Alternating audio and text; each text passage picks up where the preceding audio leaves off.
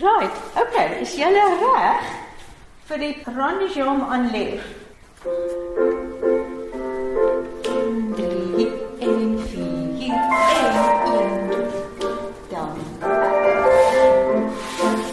In 'n klein saaltjie op Mosselbaai is 'n handvol bo 60 vroue hard aan die ballet onder leiding van Maritjie Wewe, die balletinstruktrise.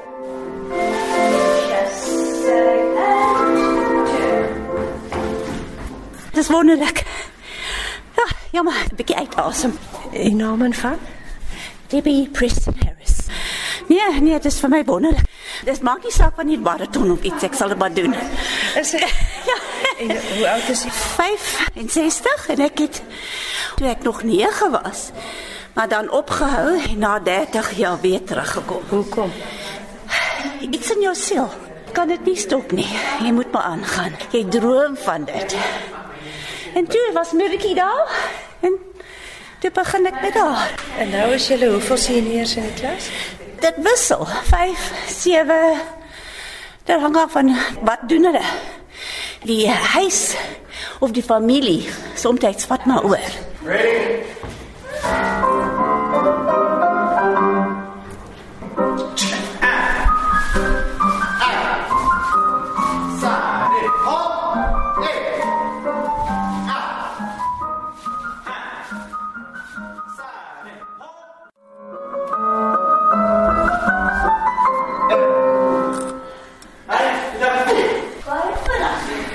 Geniet dit verskriklik. Ek is Anet Pieterse en ek geniet dit verskriklik. Dit is ongelooflik lekker. Dit is so goed vir die gees. Elke dag wat ek hier kom, is dit net heerlik. As ek my pink skoentjies aantrek, dan sit 'n ander mens.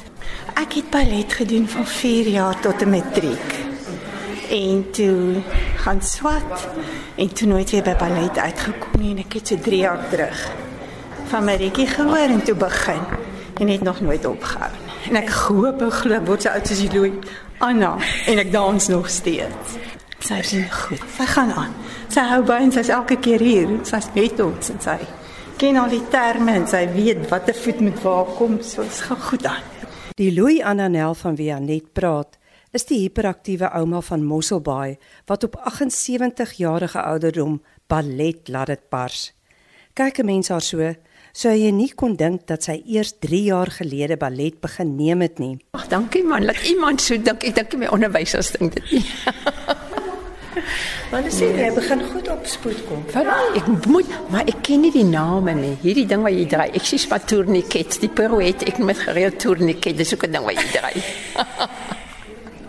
so. Maar voel jy nie geïntimideerd met die wat al jare ballet gedoen het? Nee, sonder hulle kan ek nie dans nie. As ek nie vir Anet so kan glimpsie van die kant af nie, gaan ek die helfte van die goed nie onthou nie. Ek moet afkyk, anders gaan ek nooit die goed alles onthou nie. Ek sorg altyd dat ek haar net so in die oë het so. Alright, het julle julle asems terug? Nee. Nog nie. Kom ons doen die adage. Maar dan is die een wat sy vir my gesê het. Verkeerd, maar van die nie. So kom ek van die volgende. Alright.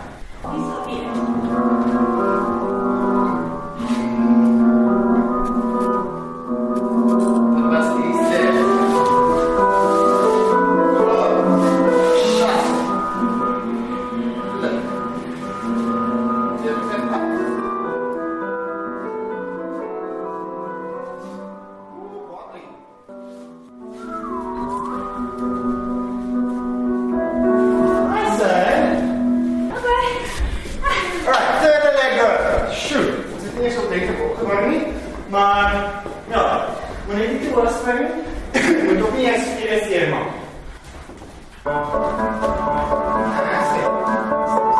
Philip Davel, balletinstrukteur, het 'n ruk gelede by Maritjie Wewe aangesluit en is ook betrokke by die bo 60 balletdansers. Wat hom veral beïndruk, is Louis Anna se vasberadenheid om ballet op haar manier te bemeester. Louis Anna is vir my 'n inspirasie want sy doen soveel vir almal om haar en sy wil leer konstant. Sy hou daarvan om nuwe dinge te ervaar, nuwe dinge te ontdek. Sy het soveel in haar hart om te gee. En ek dink jy het gedans as kind, nê? So daar is dinge wat mense wat al voorheen gedans het baie vinnig regkry wat sy meer moet aandink. En ek het al verskriklike vordering gesien waar die bewegings begin natuurlik raak en nie soos hakkerig is meer nie. En ek dink dit is deel van die ontwikkeling wat gebeur met haar dedication aan die ontwikkeling van haar ballet. Blykbaar het sy gesê as sy val, moet jy haar nie probeer bybring nie. Dit ja, sy het nou die dag was dit 'n baie warm dag gewees en ehm um, toe sê sy as ek vandag val, los my net hier. Toe sê ek vir kan ek jou asseblief net aan die pad uitskuif? Toe sê sy ja, ek mag want ek wil nou nie ander mense met bo oor val nie. Maar gelukkig het sy nie geval nie. Kyk. Tandus. Ek sien jou wat met tandus.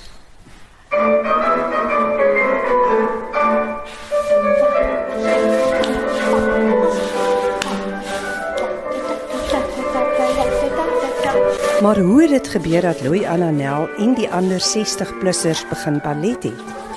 Maritjie Wewe, die balletinstrukteur wat met die senior balletklasse op Mosselbaai begin het, verduidelik. Ek het in Pretoria aanvraag gehad en ander onderwyseresse daar was nie bereid om dit te doen nie. So ongeveer 20, 25 jaar terug het ek begin met volwassenes werk en dis 'n heeltemal 'n ander benadering wat mense het as byvoorbeeld met kinders omdat jy op 'n meer intellektuele vlak werk daar's van almal. Daar's mense wat terugkom na jare se ballet op skool en dan weer graag weer wil dans as hulle nou kinders uit die skool uit het en hulle is nou rustig of hulle is miskien nou 'n weduwee of wat dan wil hulle weer doen. En ek voel dit moet wees beskikbaar vir enige iemand want daar is the joy of dance en as die liggaam dit nie meer kan doen nie dan kan die siel nog dans die mens kan dans. Al kan die bene en die arms nie meer doen wat hulle gedoen het 20 jaar terug nie. En dis vir my wonderlik as die mens, die danser wakker word in daai lyf. Die danser wakker word in die lyf. Dit klink seker snaaks. Because music and dancing go, you know they go together and your soul dances.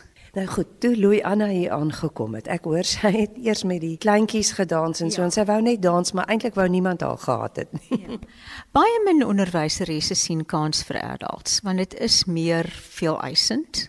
Dit is heeltemal 'n ander benadering wat 'n mens nodig het as met jou kinders en daar is baie meer uitdagings daaraan verbonde.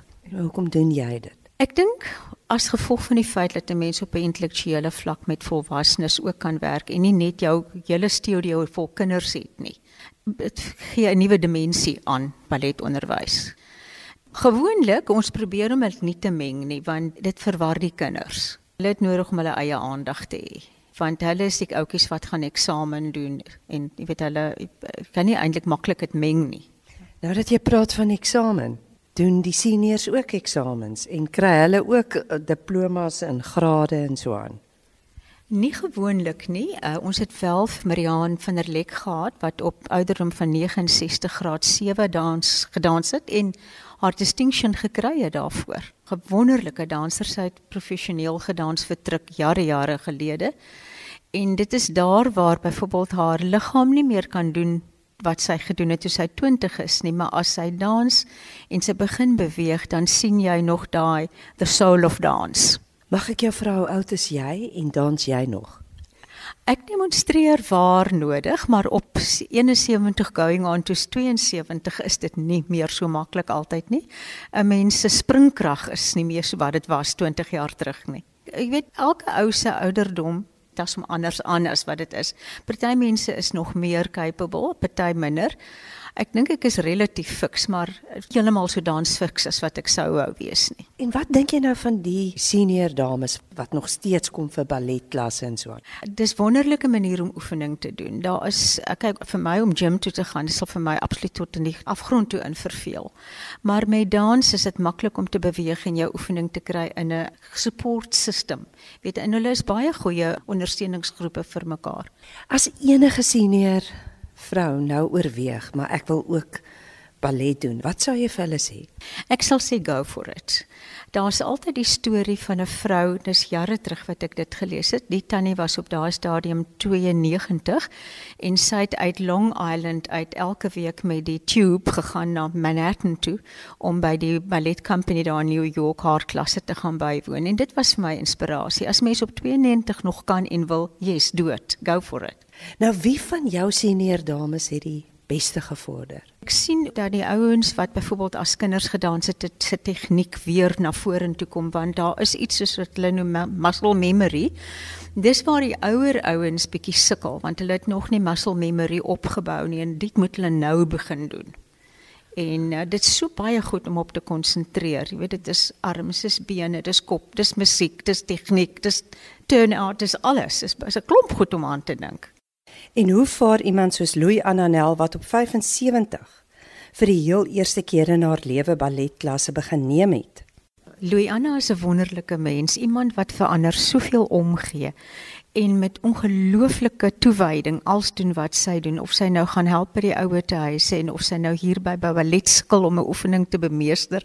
Daar is hierdie geweldige toewyding en die geweldige commitment om te probeer om 'n ding reg te kry.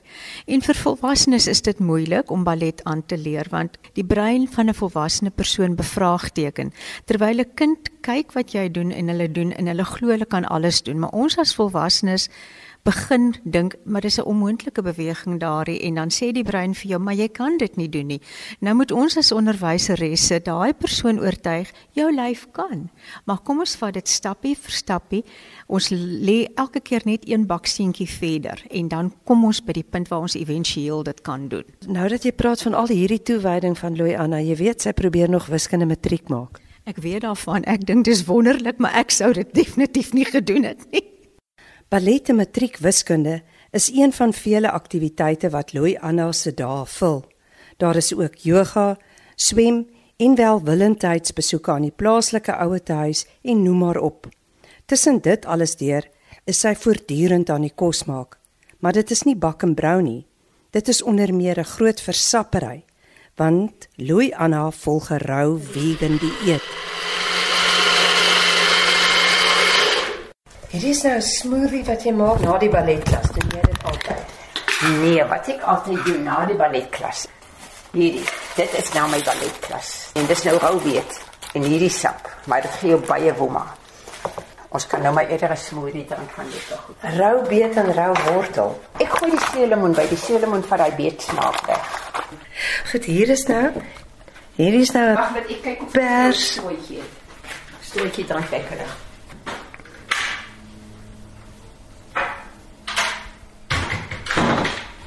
Kyk, waar sit die strooitjies? Ja, dit is 'n stuk in by mamma deur sy. Oh, is lekker. Nie te min soet vir jou nie. So om rou vegan te wees moet jy 'n yskas hê. Jy moet 'n versapper hê, jy moet 'n Versapper, voedselverwerker en 'n blender. 'n Blender het hier Afrikaanse naam. En 'n dehydrator. Is 'n Want 'n dehydrator maak nie bo 40 grade. As jou kos bo 40 grade dan begin vernietig die vitamiene. Ons gebruik geen mikrogolfie. Vandat ek rou eet en my vleis gelos het, pyn ek van niks. Is jy nog op enige medikasie? Niks. Net my skildklier, maar ek wou dit ook los, maar die dokter sê vir my ek mag dit nie los nie. Louis Anna eet al haar groente rou. Dit is deel van die rou vegan dieet. Voor sy na die dieet oorgeskakel het, moes sy met erge reumatiekpynne saamlewe. Nou lag ek, kyk hoe lyk my knie in die balletklas dan sê die juffrou, jy maak nie jou been reg uit nie. Ek sê dis nie my been wat reg, my been is reg. Ek kyk van agter af. Dis my kniekop wat so verkalk is.